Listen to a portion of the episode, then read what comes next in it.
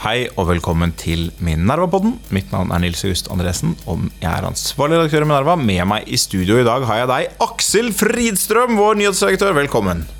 Tusen takk. Det var en veldig hyggelig entusiastisk introduksjon denne gangen. Ja, det er jo lenge siden vi har vært på lufta. Det er en god stund eh, før sommeren, tror jeg. En Ja. lang eh, sommerferie.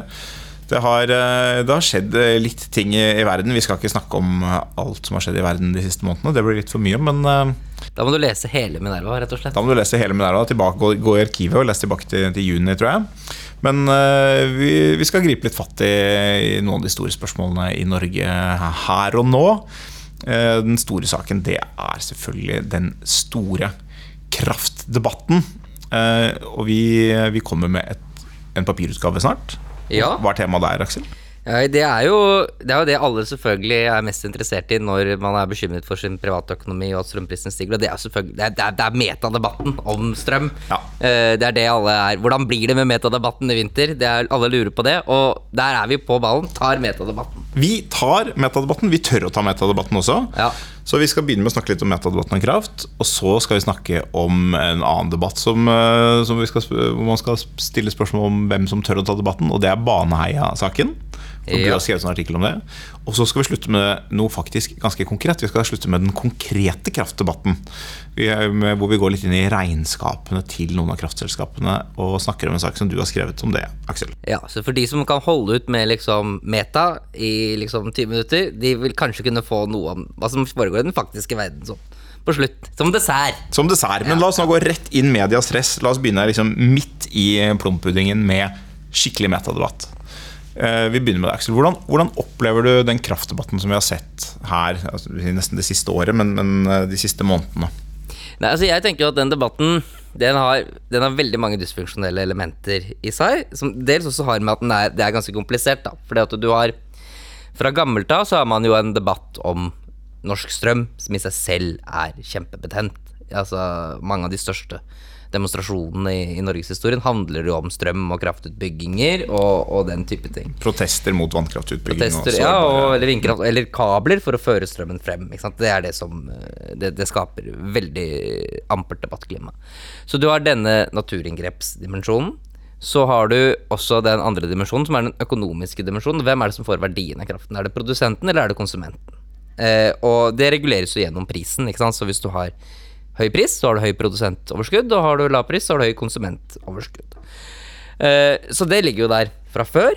Eh, og ulike parter kan jo ha ulike oppfatninger om hva som er den rette balansen, hvor egentlig for seg alle standpunkter er helt legitime standpunkter. Altså det må være lov å Man kan jo forstå at uh, si kraftselskaper ønsker å ha kanskje litt høyere pris, det er jo naturlig, det er jo jobben deres på et vis. Eh, og litt høyere pris kan jo også følge til f.eks. at man får bygget ut mer kraft, som i dag, som er ulønnsom da hvis prisen er, er veldig lav. ikke sant? Altså på uh, Finnmarksvidda f.eks. så er jo kanskje de beste vindressursene i, i verden, men der er jo strømprisen så lav i dag også at det er, liksom, det er umulig å bygge ut. Fordi at det allerede er bygd ut så mye fra før. Så skal du bygge ut et sånt område, så må du jo føre strømmen ut på et vis. Uh, så kommer jo da uh, Akkurat når man da liksom gjør en del grep, som i og for seg alle er, er enige om at vil bringe prisen opp, altså man bygger nye kabler. Man kan være uenig om hvor mye prisen vil gå opp, men den vil gå opp, sier alle. Ikke sant? Så begynner jo også uh, Russland å tukle med uh, gasstilførselen til Europa, Uh, og et par måneder etterpå så begynner jo også krigen i, i, i Ukraina. Og da blir jo alle disse tingene liksom diskutert veldig i, i lys av hverandre, hvor eh, du kan si at eh, debatten om norsk strøm ofte liksom nesten ofte pensler om, over i om man er for eller mot Putin og den type ting, hvor det blir vanskelig å navigere, da. Eh, Og begge parter egentlig bruker ganske mye hersketeknikker. Vi, har på en måte fått litt, et uheldig sammenfall. Sant, med at disse, vi hadde en veldig opphetet debatt om utenlandskablene og om tilknytning til ACER for et par år siden bare. Og så, idet kablene ble eh, satt i kraft, så kommer eh, prisoppgangen. Og da er det noe veldig naturlig at man kobler to tingene, at det skjer. Eh, det ene er lik det andre. Eh, og så har man fått en debatt, som er ganske interessant. Og det, er sånn, det, det jeg synes er interessant, at du har fått en slags sånn ekspertklasse som består av eh, visse typer politikere, som f.eks. Støre spesielt, eh, og representanter for kraftselskapene, som fremstår som akademiske, eh, med et vidt utsyn mot Europa og verden, og opptatt av storpolitikk og økonomisk rasjonalitet og en del sånne ting, mot et slags sånn folk flest-segment som, som består av alt fra Motvind, denne organisasjonen som jobber mot interessant nok, mot vindkraftutbygginger og mot kabler. Rødt, spesielt kanskje, som har brukt denne saken for, for den har vært. Sofie Marhaug, Mimmi Kristiansson. Så har du deler av SV, som er interessant. SV er jo litt sånn i en mellomposisjon av noen av disse sakene. Og Fremskrittspartiet. Det er liksom det er liksom folk flest representanter. Ja, Og så har du bakland i de store partiene også. Ja, og bakland i de store partiene. Dette skjærer gjennom alle partiene på et vis. Det gjør det. Ja. Så, men det har både tydeliggjort en sånn eh, ekspertfolkskille som er ganske interessant, hvor, hvor du har en ekspertklasse som både er det, det, vi hadde noen studier på det i fjor som viser at de, en ting at de stemmer overveiende rød-grønt, men de er også preget av et visst sett med sånn liberale verdier, som gjør at det er, en, det er et segment av de rød-grønne partiene pluss et, et, mindre segment fra partiene, særlig Venstre og Høyre, som måtte finne sammen i et slags felles utsyn på verden, som er eh, opptatt av klimaendringer, positive til europeisk integrasjon, kritiske kritisk til nasjonalisme, Eh, har et syn på seg selv som faglige, og kanskje på de andre som Ufaglige. Ufaglige, populistiske, bekymret for populisme. Eh, og urbant orienterte. Og denne strømkrisen den, måte, den iverksetter jo alle disse mekanismene med en gang. Fordi dagens strømregime, eller kraft, dagens kraftsystem, det er Argumentene for det er dels det bidrar til det grønne skiftet i Europa. Det skaper, eh, det skaper, en økonomisk effektiv forsyningssikkerhet i Norge. Det, det, har i hvert fall vært argumentet. Vi kan snakke litt mer om det etterpå. Um, det er uh, og det er, det er, på en måte økonomisk nøytralt. Det, ikke, det, er, det, tar ikke spesielt hensyn til si, kraftkrevende industri og den type ting, hvor man sier at det er ikke noe mer verdt enn annen økonomisk aktivitet, som er et Eh, fornuftig og logisk perspektiv hvis man bor i de store byene. Ja, det er ikke så Hvis du bor ved siden av et sånt aluminiumsbelteverk, så er det ikke sikkert at det er så Nei, ikke sant? Så de perspektivene som da ikke er representert, det er de som på, den ene side sier det er ikke, det er ikke hensiktsmessig, det er ikke, det er ikke viktig eller det er ikke effektivt for Norge å liksom tenke at vi skal bidra masse til det grønne skiftet i Europa. Det er ikke uansett altfor lite. Det er liksom en type innvending. Eh, det andre vil være Det er mye viktigere med lav stabil pris, eller kanskje aller først og fremst stabil pris, eh, mer enn lav, for konsumenter og for, for kraftkrevende industri. Eh, de, det er på en ren interessemotsetning som i altfor liten grad blir belyst faglig, fordi hele fagekspertisen står på, på den ene siden verdimessig. Og det preger de spørsmålene som stilles, og hvilke spørsmål som stilles, hvilke som ikke stilles, og hva man ser på som mulige alternativer. Og da kommer man på, jeg, jeg tilhører jo dem som si, forstår, fordelen, eh, forstår hvorfor man har valgt det systemet man har gjort, og er usikker på om det egentlig fantes bedre realistiske alternativer. Hvis man ikke skulle bygget kabler Man kan diskutere de to siste kablene, selvfølgelig. Det, det, det bør vi kanskje også gjøre. Men, men sånn hovedlinjen i systemet Det har vært å si at det er bedre å koble seg på Europa enn å bygge opp massiv eh, overkapasitet for et mye høyere norsk kraftbruk i fremtiden. Fordi Vi har jo lagt opp til at vi skal elektrifisere store deler av økonomien. Én ting er sokkelen, både du og jeg syns det er en idiotisk uh, ting å elektrifisere sokkelen. Men det er mange andre ting vi også skal elektrifisere. Vi har elektrifisert en del oppvarming, vi skal elektrifisere bilparken. Uh, det, og, det, og noe, av det, noe, av noe, av det, skyldes politikk, men noe vil skje uansett. Altså Elektrifiseringen av bilparken kommer de neste 20 årene og kommer til å kreve Eh, mye strømforbruk. Da, så et eller annet må gjøres. Eh, og Da kan man bygge ut eh, masse ny kraft, og det er, det er ganske dyrt å øke prisene en del. Og vil sette på spissen en rekke av disse utbyggingskonfliktene som Hvis man skal bygge ut liksom 30 TWh med kapasitet tilsvarende det i Norge, så vil det åpenbart være en del konflikter. Så Det er i hvert fall forståelig at man gjorde det man gjorde. Og så kan du si Hvis vi nå havner i en permanent situasjon der kraftprisene skal være 5 kroner eller 10 kroner, så kan det hende at det alternativet ser ser bedre ut uh, allikevel, men, men, forhåpentligvis så skal vi jo ikke det. Og, og, det er ikke liksom åpenbart hva som er best. Men det som provoserer meg med, med denne ekspertsiden i debatten, det er at den måte ikke tar helt ansvar for hva den har gjort. At den, at den hele tiden har kommunisert som om Nei, det, det, blir ikke noen prisøkninger. Det er, det er helt marginalt. 3-4 øre snakker man om. Nå er Statnett la ut en rapport nå denne uken hvor de sier de sier, var andre analytikere, Value Insight eller noe sånt, lagt oh, ja. en ny rapport. Ja. Ok, unnskyld. Ja, ja. Eh, men i hvert fall der, der er funnet rundt én krone per nå, da, eller 25% av prisøkningen. Og det tallet kan jo godt stige eh, vesentlig fremover. Og så kan man si ja, det er jo langt fra En krone er, en krone er jo en del, for normal strømpris i Norge er jo 50. Eh, Ikke sant? Og så kan man si det, er- det er jo ikke det er langt fra hele prisøkningen. Det er mye som ville kommet uten de to siste kablene. Det er helt åpenbart. Vi, er, vi har uansett vært, vært påkoblet et marked som, eh, hvor prisen settes av gass. Eh, men vi er mer påkoblet det markedet nå, og priseffekten blir derfor sterkere. Så det er, liksom, det er noe med at man, ikke, man har ikke vært åpen om det, man har ikke vært ærlig på det. Man har, ikke vært, eh, man har hatt for dårlige analyser og ikke, ikke beklaget seg for det. Fordi når man har gått inn i dette her, det å si, og det nå kommet til det med Putin, det å si at eh, ja, det er Putins skyld, eh, og, og man er Putins nyttige idioter hvis man sier at det er kraftsystemets skyld, det er jo også på en måte en, det er en veldig problematisk påstand, fordi eh, vi har visst at Putin var den Putin er, lenge. Lenge, lenge, lenge. Putin brukte gassvåpenet første gang i 2009, eh, og selv da var det ikke så veldig overraskende for dem som jobbet med det. Det var en trussel som var eh, forstått på forhånd.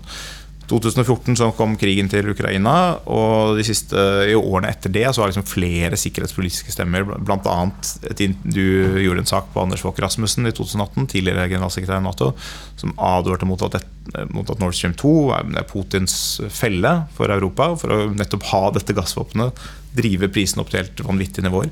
Trump sa det samme, folk lo selvfølgelig av Trump, og det er en del av dette paradigmet sant, mellom ekspertene med de gode verdiene på den ene siden og liksom populistene på den andre. Og- Og så og- hadde populistene på det rett i noen av disse Ja, altså, og det som gjør det litt rart, måten måten det diskuteres på i dag, at man trekker, kommer trekkende med ulike forklaringer som om de er gjensidig utelukkende. Ikke sant? Altså Man snakker om eh, Putin gjorde det som om det liksom er, er, er en uttømmende forklaring. Fordi at det, det er klart, Putin er jo selvfølgelig antagelig også den viktigste driveren, men det er ikke den, den eneste driveren for hvorfor ting er sånn som det er. Ikke sant? Altså Hvorfor har Europa denne sårbarheten i utgangspunktet som Putin kan eh, utnytte? Altså, det er jo et, et veldig veldig viktig spørsmål. Eh, og eh, med tanke på alt jeg visste om Putin her, så er det én ting. Og det andre er jo sant, i hvilken grad eh, si, eh, bidrar nye kabler, sammenlignet med de kablene man hadde før, til at denne prisvekten kommer fullt ut inn i Norge. Ikke sant? Og det, det har vi du kan si at hvis økonomer skulle ønske å lage et eh, perfekt naturlig eksperiment om hva er effekten av sånne kabler, så har man jo vært maks uheldig med tanke på at det skjer eh, veldig mange ting i energimarkedet samtidig som påvirker pris. Så du kan ikke Du vil bare ha ulike analyser hvor noen sier at kanskje det er én krone, kanskje det er ti øre, men du, du får ikke noe perfekt svar.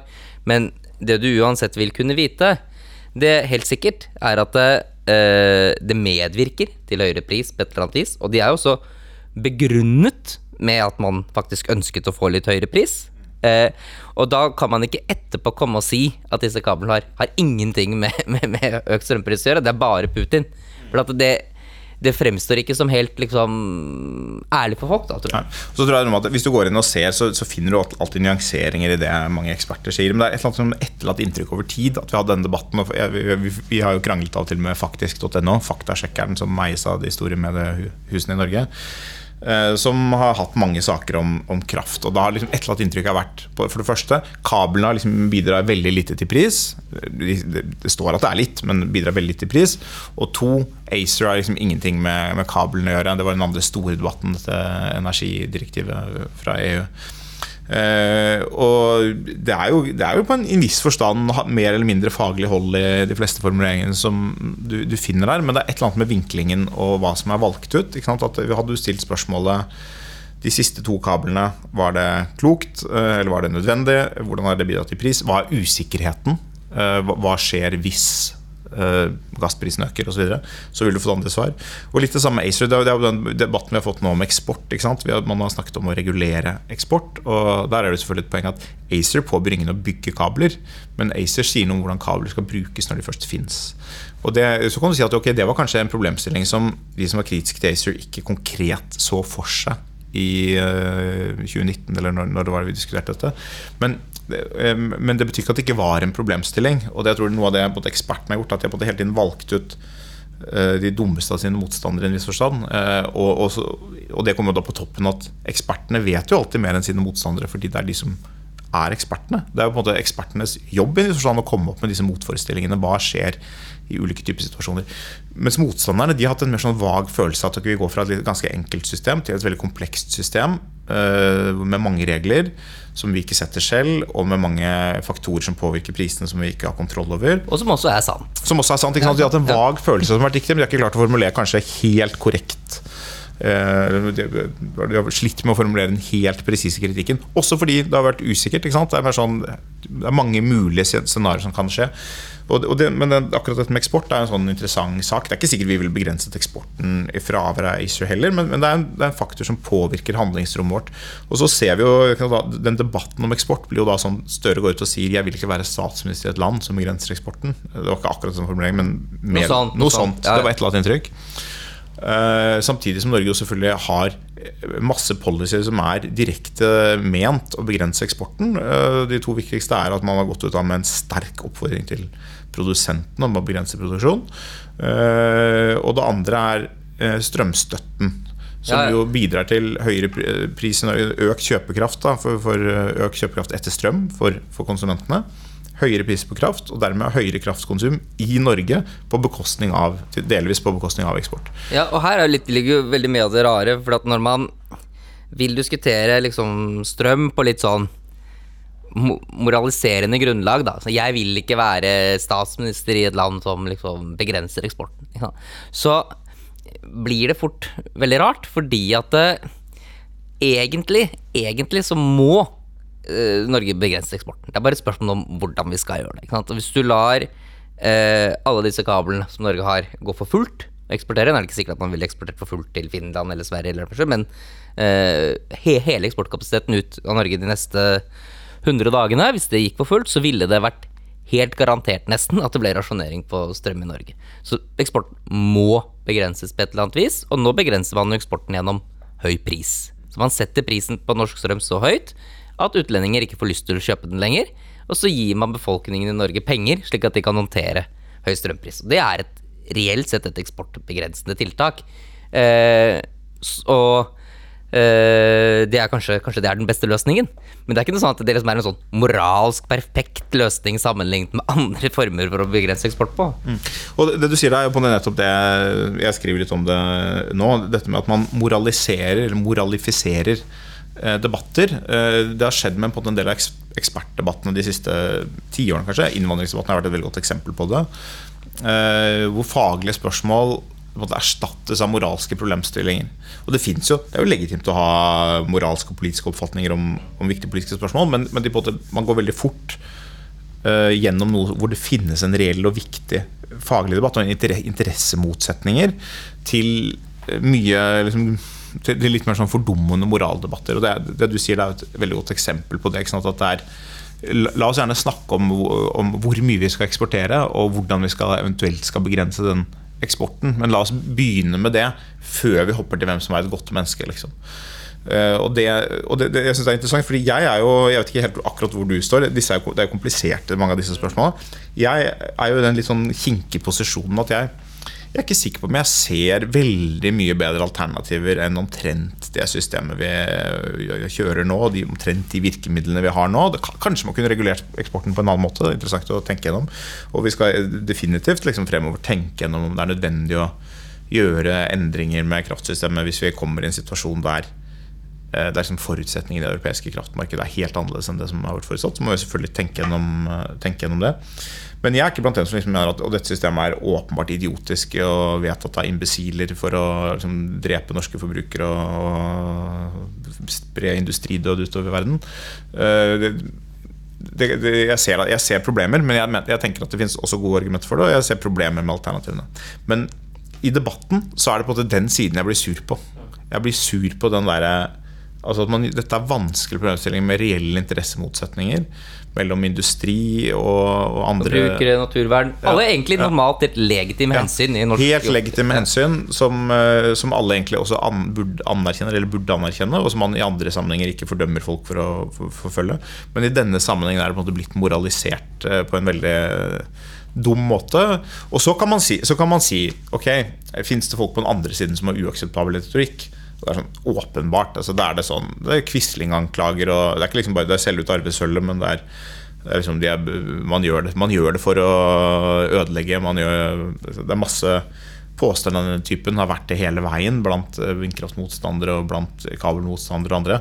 Men, men poenget er at det er jo ofte da vanlige folk. Altså, det, er, er sånn kommentarfeltsfolk, og de der må forventningene være realistiske til hvilket nivå debatten tar der. Men når det kommer fra måte, toppolitikere, så er det litt annerledes. Så jeg, Her om dagen så fant jeg da ut at jeg var nødt til å forsvare Mimmi Kristiansson på Facebook mot noen sånne krafteksperter. Da. Og det, det er jo ikke en situasjon jeg har lyst til å være. ikke sant? Er, her er det Rødt som er, de er mot finsk og svensk Nato-medlemskap. Har en horribel posisjon i forhold til krigen i Ukraina og har mange dumme og i og for seg populistiske forslag i kraftdebatten som ikke er ordentlig gjennomtenkt, i hvert fall, med hvordan makspris skal fungere og en del andre sånne ting. Og så blir liksom den siden jeg sympatiserer med likevel. Og, og, det er det som provoserer meg, Fordi det er det, det, er det som rammer meg hardest, i tillegg til kraftprisene. Jeg mener at de som uh, argumenterer for det systemet vi har i dag For jeg er litt uh, på samme bane som deg, at jeg, jeg blir irritert fordi det argumenteres veldig dårlig. Uh, fordi eh, man kan se for seg ikke sant, at det er mulig kanskje å få ned strømprisen i Norge gjennom å gjøre noen av de tingene som Rødt foreslår, i en eller annen avart. Noen av Rødt-tiltakene har antagelig den økonomiske effekten, som de sier. Men så må man også tenke, ikke sant La oss si altså Vi lever jo den mest usikre perioden i Europa på 70 år. La oss si at eh, plutselig så liksom er det noen prorussiske grupper oppe på Svalbard, f.eks. For eksempel. Hvor lurt var det da f.eks. å stenge strømmen til Storbritannia uken før, hvis du har gjort det? Så det er, det er, den type uh, hensyn man, man, også må ta. Og i Norge, så ja, det er et, høy strømpris skaper et stort problem. Skaper også, høy gasspris skaper også norske, gir også norsk skatt veldig veldig store inntekter. Så vi har et veldig stort omfordelingsproblem i Norge. Uh, I utgangspunktet så bør man jo klare å løse sine egne omfordelingsproblemer. I hvert fall hvis litt av mesteparten av problemet er at faktisk du har blitt reelt sett mye rikere, da. Uh, men også dratt inn uh, privat kjøpekraft. Hvis man ikke, fordi at man ikke klarer å løse et internt omfordelingsproblem, liksom skal gi fingeren til sine naboland, det er liksom Det er ikke en, en For meg fremstår ikke det som en veld, veldig, veldig klok politikk. Så kan det godt være at Vil, vil du si at det er Putins nytteidioter? Det vil jeg, si, jeg vil ikke si at det er liksom Putins nyttig, for jeg syns at det, det, kommer liksom fra et Jeg, jeg skjønner, jeg, jeg Fra et legitimt liksom, standpunkt, men, men Uh, men jeg, jeg, bare, jeg, bare, tror det er veldig uklokt. Og jeg blir også irritert fordi at uh, mange av de som ønsker å uh, forsvare dagens regime, ikke kan erkjenne at det også har mange negative sider ved seg. Og Derfor tror jeg det blir mye vanskeligere å, å forklare det. Mm. Ja. Så der, eh, Da tror jeg vi avslutter den debatten der med et råd til eh, politikere i Arbeiderpartiet og i Høyre, kanskje. Systempartiene, den liberale styringseliten. Vi er med dere i sak. Ikke noe, ikke noe stopp på eksporten til Storbritannia, ikke noe makspris, men litt eh, bedre debatteknikk. Er det presis oppsummert? Ja, ja, ja, veldig nyansert. Nils August, veldig nyansert. Så håper vi Støre hørte etter på det. Eh, du, Vi skal videre til, eh, til en ganske annen sak. Baneheia-saken. Den har kommet i, i vinden igjen. Med eh, politiets etterforskning av, av saken etter at Gjenopptakelseskommisjonen i fjor innstilte på gjenopptakelse av denne saken. Da. Bevisene mot Viggo Kristiansen ikke var sterke nok. Du har skrevet om det denne uken. Hva er det du har skrevet, og hvorfor? Ja, så jeg har jo forsøkt å fortsette litt i den debatten som vel både Marianne Martinsen har tatt opp, og Høge Ulstein. Snakke litt om hvordan Altså litt sånn selvgranskning i, i, mediene og lignende. Altså hvorfor har ikke til tross for at det egentlig har vært kjent ganske lenge at mange av bevisene mot Viggo Kristiansen ikke er spesielt gode, så er ikke dette en sak som har vært veldig mye belyst i mediene egentlig før gjenopptakelseskommisjonen eh, fattet den avgjørelsen. Så har man liksom gradvis egentlig så har det blitt en aksept i mediene eh, hvor det hele tiden kommer drypp da, om at denne dommen antagelig er, er feil. Eh, med stor sannsynlighet feil. Eh, og grunnen til at jeg hadde lyst til å skrive om det, var jo litt mine egne personlige erfaringer eh, med å jobbe med denne saken. Fordi at eh, jeg var jo uh, selv personlig litt interessert i dette også før jeg begynte i Minerva. For jeg hadde satt meg litt grann inn i. Nok til at jeg var liksom nysgjerrig på at kanskje er det liksom noe med den dommen som er gal. Uh, da, du, du, hadde lest en sak i Minerva? Ja, faktisk. faktisk ja. mm. Som jo pirret min nysgjerrighet. Uh, og uh, selv om jeg da egentlig var er jo, eller for ung, for å liksom huske akkurat dekningen, mediedekningen av den saken når den pågikk. Så har jeg liksom lest meg på dette i ettertid. Eh, men så plutselig så er jo du er jo i pappapermisjon, og plutselig er det jo jeg som må være redaktør. Og så plutselig så får vi et eh, veldig langt eh, innlegg, heter han Svein Tore Bergstuen, som eh, da er jo ment til å komme eh, før denne gjenopptakelseskommisjonen skal fatte sin avgjørelse, hvor han argumenterer, eh, jeg vil si veldig, veldig godt for, at denne saken må gjenopptas, eh, basert på da at DNA-beviset egentlig er feiltolket, mobiltelefonbruken til Kristiansen er et mulig utelukkelsesbevis, og også at politiets avhørsmetoder av Jan Helge Andersen ikke er skikkelig. Altså de, de planter mulig De gir han denne, denne, forklaringen, og så bare aksepterer han den. Uh, og jeg syns jo den uh, kommentaren til han Melsen var en veldig god kommentar. Uh, og leste den med interesse mange ganger, og hadde jo, jo ikke noe å utsette på den. Men jeg hadde jo heller ikke spesielt lyst til å publisere den. Og det er, det, det, er så åpenbart, da, fordi at hvis du deltar i den offentlige debatten, ikke sant, så jeg syns jo det er morsomt å innta litt sånn kontrære standpunkter og sånn, men jeg skjønner jo at hvis du har kontrære standpunkter i altfor mange ting, så tenker jo alle bare Nei, denne personen er jo liksom helt gæren. Liksom. Så det å i tillegg liksom innta et kontrært syn på en sak som eh, er en så ubehagelig sak, ikke sant, det eh, ønsker du å eh, å bruke opp liksom, holdt jeg på å si, den goodwillen du har da, i den offentlige samfunnsdebatten på å innta veldig kontrære syn i veldig ubehagelige saker. ikke sant? Så for meg så er det Det har jeg ikke noe særlig lyst til. Eh, og dessuten, ikke sant, altså hvis du skulle eh, publisert en slik sak, sånn at hva skjer f.eks. hvis de pårørende ringer og vil eh, protestere på publiseringen? Så jeg tror at denne type ubehag eh, og da særlig saker som har, har usikkerhet, det, det leder eh, veldig mange mennesker i en bestemt retning, hvor de man aksepterer at det er usikkerhet, og man skjønner at det, liksom, det, er mulig å ta feil, men det er mye mer behagelig å ta feil i en bestemt retning. Det er mye mer behagelig å ta feil på den samme måten som alle andre har tatt feil, for det er, oppleves veldig mye tryggere. Men, og det vil jo føre til, og det er egentlig det som har skjedd i denne saken, tror jeg, at hele samfunnet liksom forsones om en slags konklusjon eh, som egentlig ikke er riktig. Og hvor de faktiske motargumentene ikke kommer frem. Jeg, jeg, liker jo denne historien, Aksel, fordi det er jo på en måte jeg som er helten i denne historien. Det er du som historien. er helten i historien. For da kommer jeg inn fra, fra pappapermen og, og, sier at vi publiserer dette. Men jeg, jeg, husker også denne saken. Jeg kjente jo på noe av det samme uh, ubehaget ved noe av det. Men, og jeg, jeg tror ganske sikker på at vi løste at det gikk inn og Det var på det noen påstander som var Eh, sånn for harde, og som vi ikke kunne kontrollere eller eh, vite helt hvordan vi skulle håndtere. Så vi gikk inn og foreslo noen, litt, litt, redigering, som, og så kom vi frem til et resultat som vi, som vi publiserte. Uh, og det er ofte Det er sånn jeg tenker man ofte gjør, bør gjøre det også. Man, man, bør jo ofte redigere for å passe på at man ikke publiserer påstander som man ikke kan stå for. Da. Men det, er absolutt en veldig interessant sak som, som sier noe om eh, eh, hva, hva, hvor medier ofte feiler. Og det er, på at man ikke, man, det er visse måter man ikke tør å ta feil på. For medier må tørre å ta feil. Fordi, hva er det vi skal gjøre? Vi skal undersøke spørsmål der det er legi, altså, Vi skal gå inn i saker hvor det er legitimt å stille spørsmål for å prøve å få frem et bedre kunnskapsgrunnlag. Og nå kom det korpsmusikk utenpå her. Jeg vet ikke om det gjør ikke noe. Ja, ja. Men, men, uh, det er fordi at ditt resonnement er så bra at det kommer litt korpsmusikk i bakgrunnen. Ja. Uh, at man, eh, man sliter med å, å, tørre å ta feil der hvor konsekvensene kan være ubehagelige fordi man stikker seg ut, eller fordi man som du sier, man risikerer å såre noen grupper eller, eller noen enkeltpersoner. eller et eller annet sånt. Men vi må på en måte tørre å stå i det ubehaget hvis det er legitime spørsmål.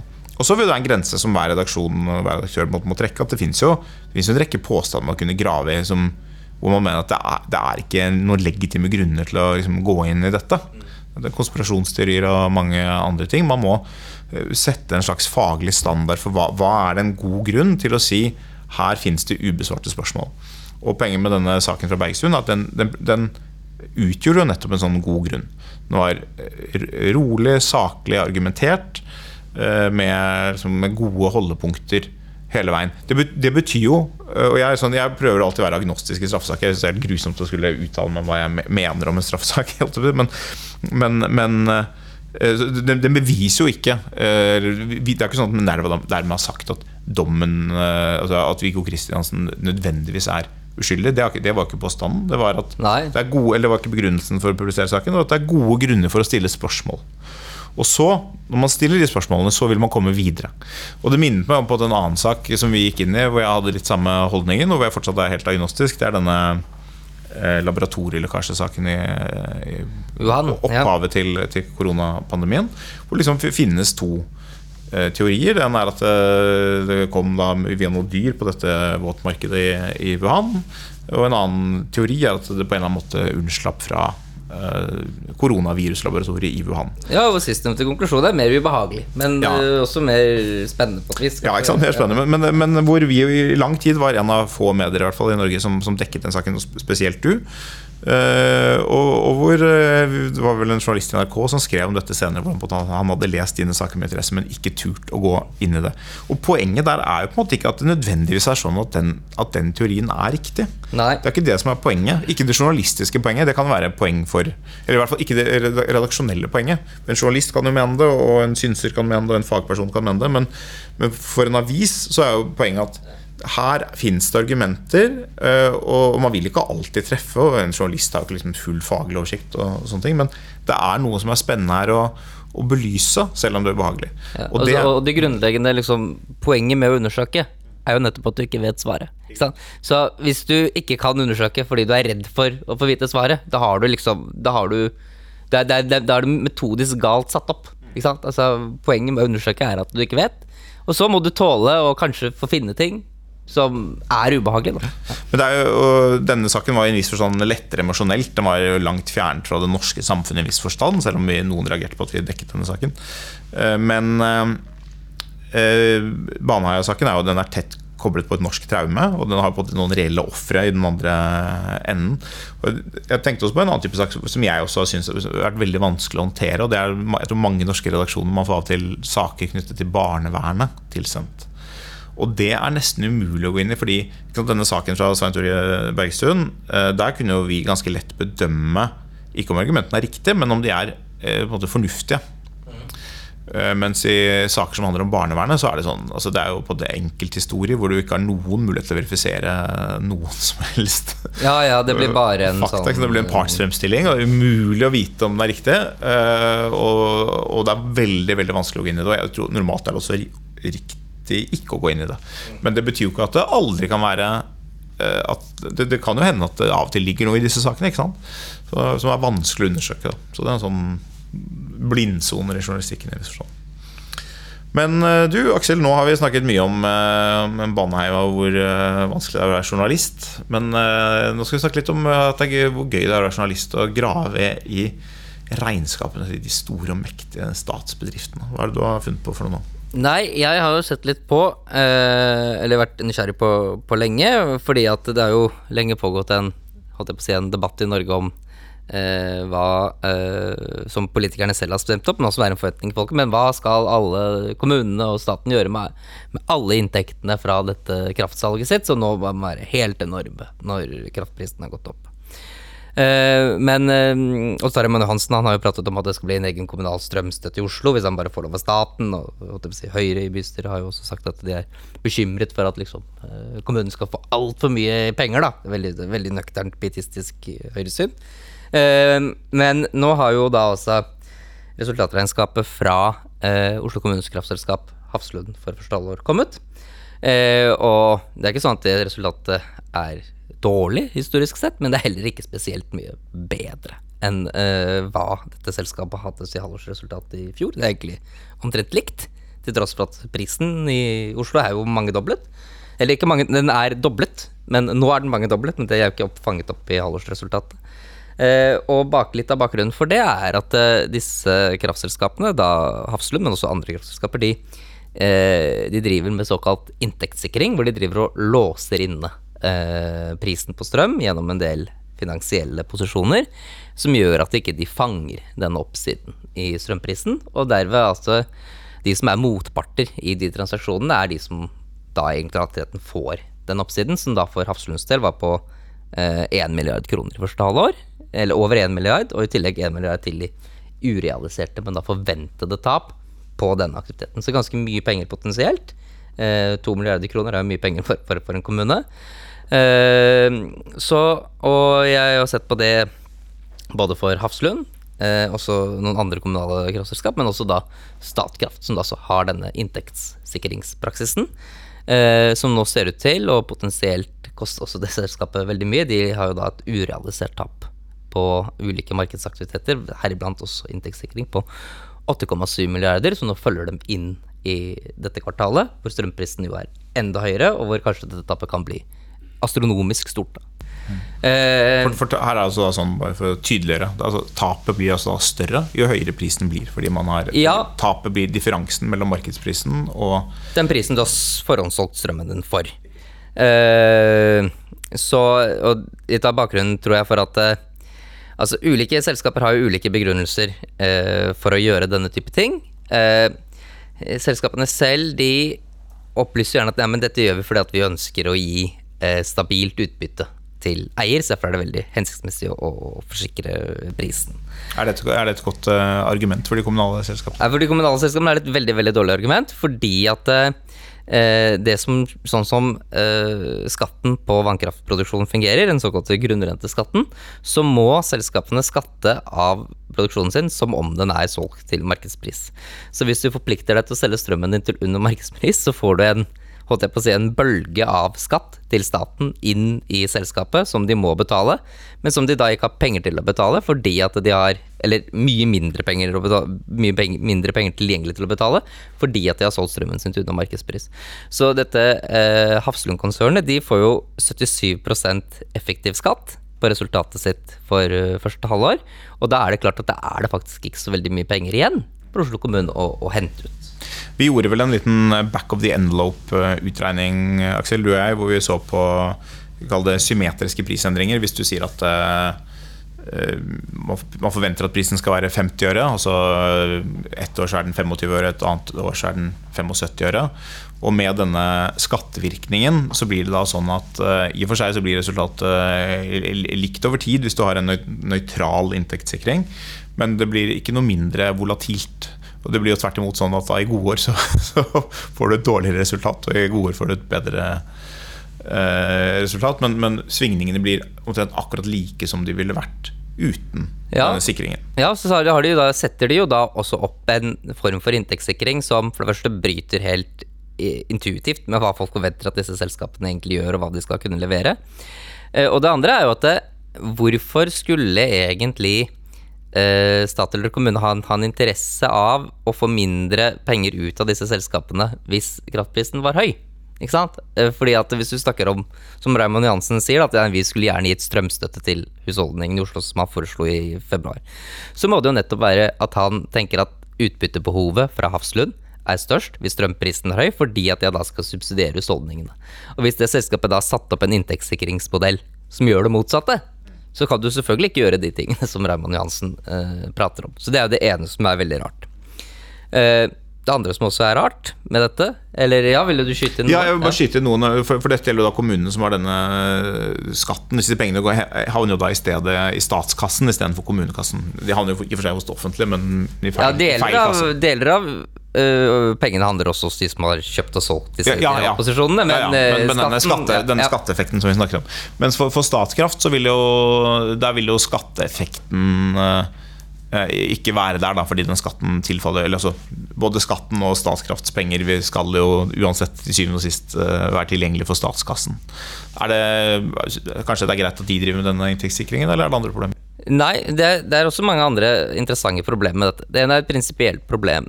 eh, og det er at det, norsk strøm, sånn egentlig, er naturlig verdisikret fordi at den produseres i Norge og i all hovedsak selges i Norge. Så verdien av vannkraften vil jo enten tilfalle produsenten i form av et produsentoverskudd, eller konsumenten i form av et konsumentoverskudd. Hvor det som regulerer fordelingen mellom hvor stor verdien, andel av verdiene som går til konsumentene og produsentene, er jo eh, prisen. Eh, og sånn sett så er det helt naturlig. Hvis prisen går litt opp, så får produsentene større overskudd og konsumentene mindre, og omvendt. Eh, det denne inntektssikringspraksisen i realiteten gjør, er at den delvis bedre til å sette den naturlige sikringsmekanismen ut av spill. For at du kan lage en situasjon der hvor både konsumentoverskuddet og produsentoverskuddet blir lavt. Fordi at uh, kundene får høy kraftpris, du og jeg, mens staten får ikke hele profitten. Uh, så, det, så, det, er rart, sett hvis du analyserer hele det norske samfunnet under ett, å gjøre dette. No, noen får jo, Pengene går jo til noen med disse kontraktene. får jo da ja, men de, med de kontraktene trenger jo ikke Det kan jo være Deutsche Bank være Deutsche. eller Goldman Sachs eller uh, Fortum Hedging eller hva som helst. Altså det, det, trenger jo ikke være noen i Norge i det hele tatt. Men det er jo hyggelig å bidra til Goldman Sachs og Fortum Hedging også. Selvfølgelig. selvfølgelig Vi er, jo, er solidariske med Europa og Nato. For, forhåpentligvis lange lunsjer. uh, men uh, Så det er det ene problemet. Det andre problemet er litt mer sånn praktisk. For hvis du sier at du skal sikre strømprisen din til en minimumpris og en maksimumpris, Eh, så kan du si at nei, men vi ønsker å ha en inntektssikring som gjør at vi ikke taper penger hvis strømprisen går under 30 øre, f.eks. Det du maksimale kan vinne på en sånn sikring, det er jo 30 øre. For at strømprisen kan ikke bli mindre enn null. Men hvis du har sikret oppsiden i strømprisen din, slik at du går glipp av si fortjeneste over én krone, så har du egentlig potensielt sett et uendelig tap. For strømprisen kan bli øh, 20 kroner, den. Eller 40 kroner er vel maksprisen på, på Nordpol for en kilowattime. Eh, så du har i realiteten satt opp en eh, posisjon hvor du eh, har forsøkt å forsikre en helt begrenset nedside, samtidig som du egentlig tar en, en ubegrenset risiko, nesten, på, på høy strømpris i det du da vil ha i tap, tapt profitt. Ja, det, det, man typisk vil, er at man vil måtte, måtte, ha en formening om risikoen for at uh, strømprisen skal gå over en viss Hva er risikoen for en ulike høye nivåer av strøm? Og Utfordringen er vel la oss si at man sier noe, har tenkt noe sånn, da, da strømprisen var si 50 øre, så sier man ok, det er 40 eh, sjanse for at den går under 25 øre. Og så er det, så er det liksom en eller annen sjanse for at den skal gå over 75. Og så er det liksom ok, 2 sjanse for at den går over 1 krone en halv prosent sjanse for at den går over, over 3 kroner. Liksom, at man går over sånn, så, har man, så har det fått veldig liten vekt. Og nå er vi i den, den situasjonen hvor alle disse sannsynlighetsregningene har vært gale. Uh, og strømprisen er veldig veldig mye høyere helt sikkert enn det som lå til grunn for at man uh, inngikk de sikringsaktivitetene man gjorde. Men det illustrerer på en måte litt poenget. At det er altså nedsiden ved høye priser er potensielt så stor. Uh, det er, og det er vanskelig å kvantifisere den risikoen. Og da blir det spørsmål Er det i det hele tatt fornuftig å ha denne type symmetrisk prissikring. Da. Og, og fasit foreligger nå, og den, den, sier nei. Selv om det antagelig har vært klokt i en viss forstand eh, i, i, en del andre år, eller har, har, gitt akseptable konsekvenser i mange andre år. Men det er på en måte ikke nok eh, når man har en sånn praksis. Denne praksisen må jo være der nettopp for å fungere i spesielle år, og ikke for å fungere i vanlige år. Da trenger du ikke sikringen nesten i det hele tatt. Ja, altså Vi vet jo ikke helt hva som blir den, den endelige fasiten, for du vil nok kunne se, nå som strømprisen har blitt blitt enda høyere når disse selskapene skal komme med sine kvartalsresultater for tredje og fjerde kvartal. Eh, hvis ikke prisen nå faller betydelig, så tror jeg du vil se enda større tap på disse tingene. Ikke bare urealiserte tap, men realiserte tap fordi at disse terminkontraktene deres går til forfall. Uh, og, og, det tror jeg liksom, det vil være nok et, et, et ganske eklatant forventningsbrudd da, på hva folk tror at det skjer i disse selskapene. Eh, og det skal nok ganske mye til at denne strategien liksom over tid lønner seg. Du kan argumentere for at dette vil lønnes over tid når du har realisert den type tap. Ja, du, du, må si dette, du, må si at dette, skjer da en gang hvert 500. år, eller noe sånt. Eh, ja. Men poenget er at når det da har skjedd, så, så, får du ikke 500 år til å vise at ja, Du kan jo si at dette lønner seg på sikt, men da blir spørsmålet ja vel, hvor lang sikt? Hvor lang sikt er det du tenker, liksom? Uh, og så er det på en måte, det er på en måte hvordan vi forstår risiko. Jeg tror Strømselskapene vil jo fremstille dette som en slags reduksjon av risiko, men det er det jo på en måte ikke. Det er en, det er en transformasjon av risikoen med formål om å, å, fremme en eller annen form for stabilitet i utbyttet. Men, men det, jo, det, handler litt om at det, for en stat som Norge med så enormt oljefond, så er liksom om det er én eller to eller tre milliarder i utbytte fra Statkraft, eller akkurat hvor mange milliarder det er, det er liksom ikke noen risiko for norsk økonomi. Så, så det, er sånn, det, er en risiko det ikke er nødvendig å, å, å håndtere i det hele tatt. Og da er det jo sånn, enhver risiko vil jo altså, Ethvert forsker på å håndtere risiko vil normalt gi lavere samlet avkastning. Det er, ja. det er, jo det du gjør når du ja, prøver å redusere risiko. Og, og, og, så kan du tenke sant, norske stat som eier i oljefondet. eh, enorme summer som kan gå opp og ned, plutselig skal ha behov for en eller annen inntektssikringsstrategi fra Statkraft for å sørge for at utbyttet alltid er mellom 1 eller 3 milliarder kroner. De, de, de, staten staten vil, vil, har egentlig ikke et sånt behov. Ikke det hele tatt. Eh, og, og, så, og det er da man begynner å spørre litt hvorfor er det det oppstår. Hvor er det etterspørselen kommer fra? Er det finansministeren som har sagt til eier, eierskapsgruppen i Næringsdepartementet at liksom nå er det nødvendig å lage en sånn strategi for Statkraft? Eller er det noen i Statkraft som har sittet med trading og syns at det er en god ting, og dette må vi liksom gjøre mer av, her er det flere jobber, mer penger til oss? Og så har jo budsjettene, så har jo lønnskostnadene i Statkraft også Ja. est ut, da, ikke sant? i tråd med at man har fått flere sånne markedsaktiviteter. Ja, jeg vet ikke svar på det, men jeg har en hypotese, Men det lov- lov- lov jeg, har, jeg, en hypotese om at det er det siste. Fordi at eh, det som skjer hvis du eier et vannkraftverk, er jo at du typisk bør jo ha en analyse av Skal jeg produsere strøm i dag, eller skal jeg produsere strøm i morgen? Og tror du at strømprisen i, i morgen blir høyere enn i dag, så venter du til i morgen med å produsere. Og da må du lage en eller annen analyse, og så finner du ut når du skal trykke på den knappen i vannkraftverket hvor det står på. Men når du har gjort det en stund, og ser at du treffer markedet ganske godt, så tenker man ja, men hadde det ikke vært gøy å trykke på et par ekstra knapper da? ikke sant? Og kanskje kjøpe og selge litt strøm som en annen strøm enn bare den vi selv eier? ikke sant? Og så ba- ba- baller det på seg med eh, denne type analysemiljøer.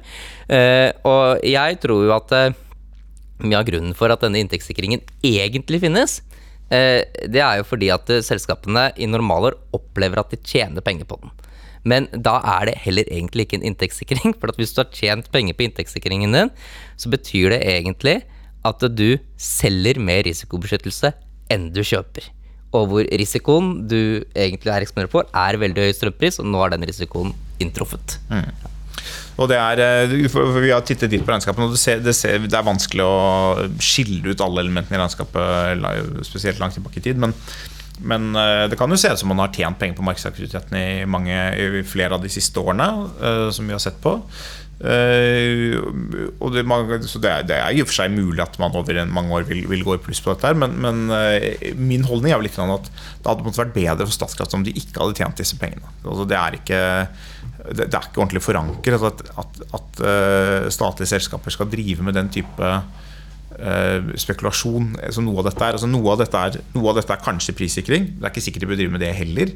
Mens noe av det fremstår mer som det de kaller bare markedsaktiviteter. Men altså det er i vanlig forstand uh, spekulasjon, og det er Altså det, det, det er som, som eh, høyrefolk, Aksel, får vi si at eh, finansspekulasjon det kan overlates til private. Ja, her, og her er liksom det, interessante prinsipielle, hvis, øh, hvis vi skal avslutte. For jeg har jo også intervjuet han hedgefondforvalteren Peter Warren. Og han sier at dette er jo nettopp et hedgefond. Men forskjellen på dette hedgefondet og den type hedgefond som han har drevet, er at de som har investert i hans hedgefond, de har jo valgt å putte pengene sine der. De må skrive under på en de, eh, de må skrive under på at de skjønner hva det er for noe, at de putter pengene sine der. Mens eh, det som egentlig skjer her, er at folk blir ufrivillige, altså skattebetalerne eh, som egentlig eier, eller befolkningen som egentlig eier dette via staten, blir ufrivillige investorer i denne type aktivitet, på en måte som det blir helt umulig å føre tilsyn med. Så det, da har vi en liten oppfordring til til, eh, til politikere og ansvarlige her. Slutt med sånt tøys. Ok, det var det vi hadde i dag, Aksel. Takk for at du kom i studio. Takk, takk. Adjø. Ha det bra.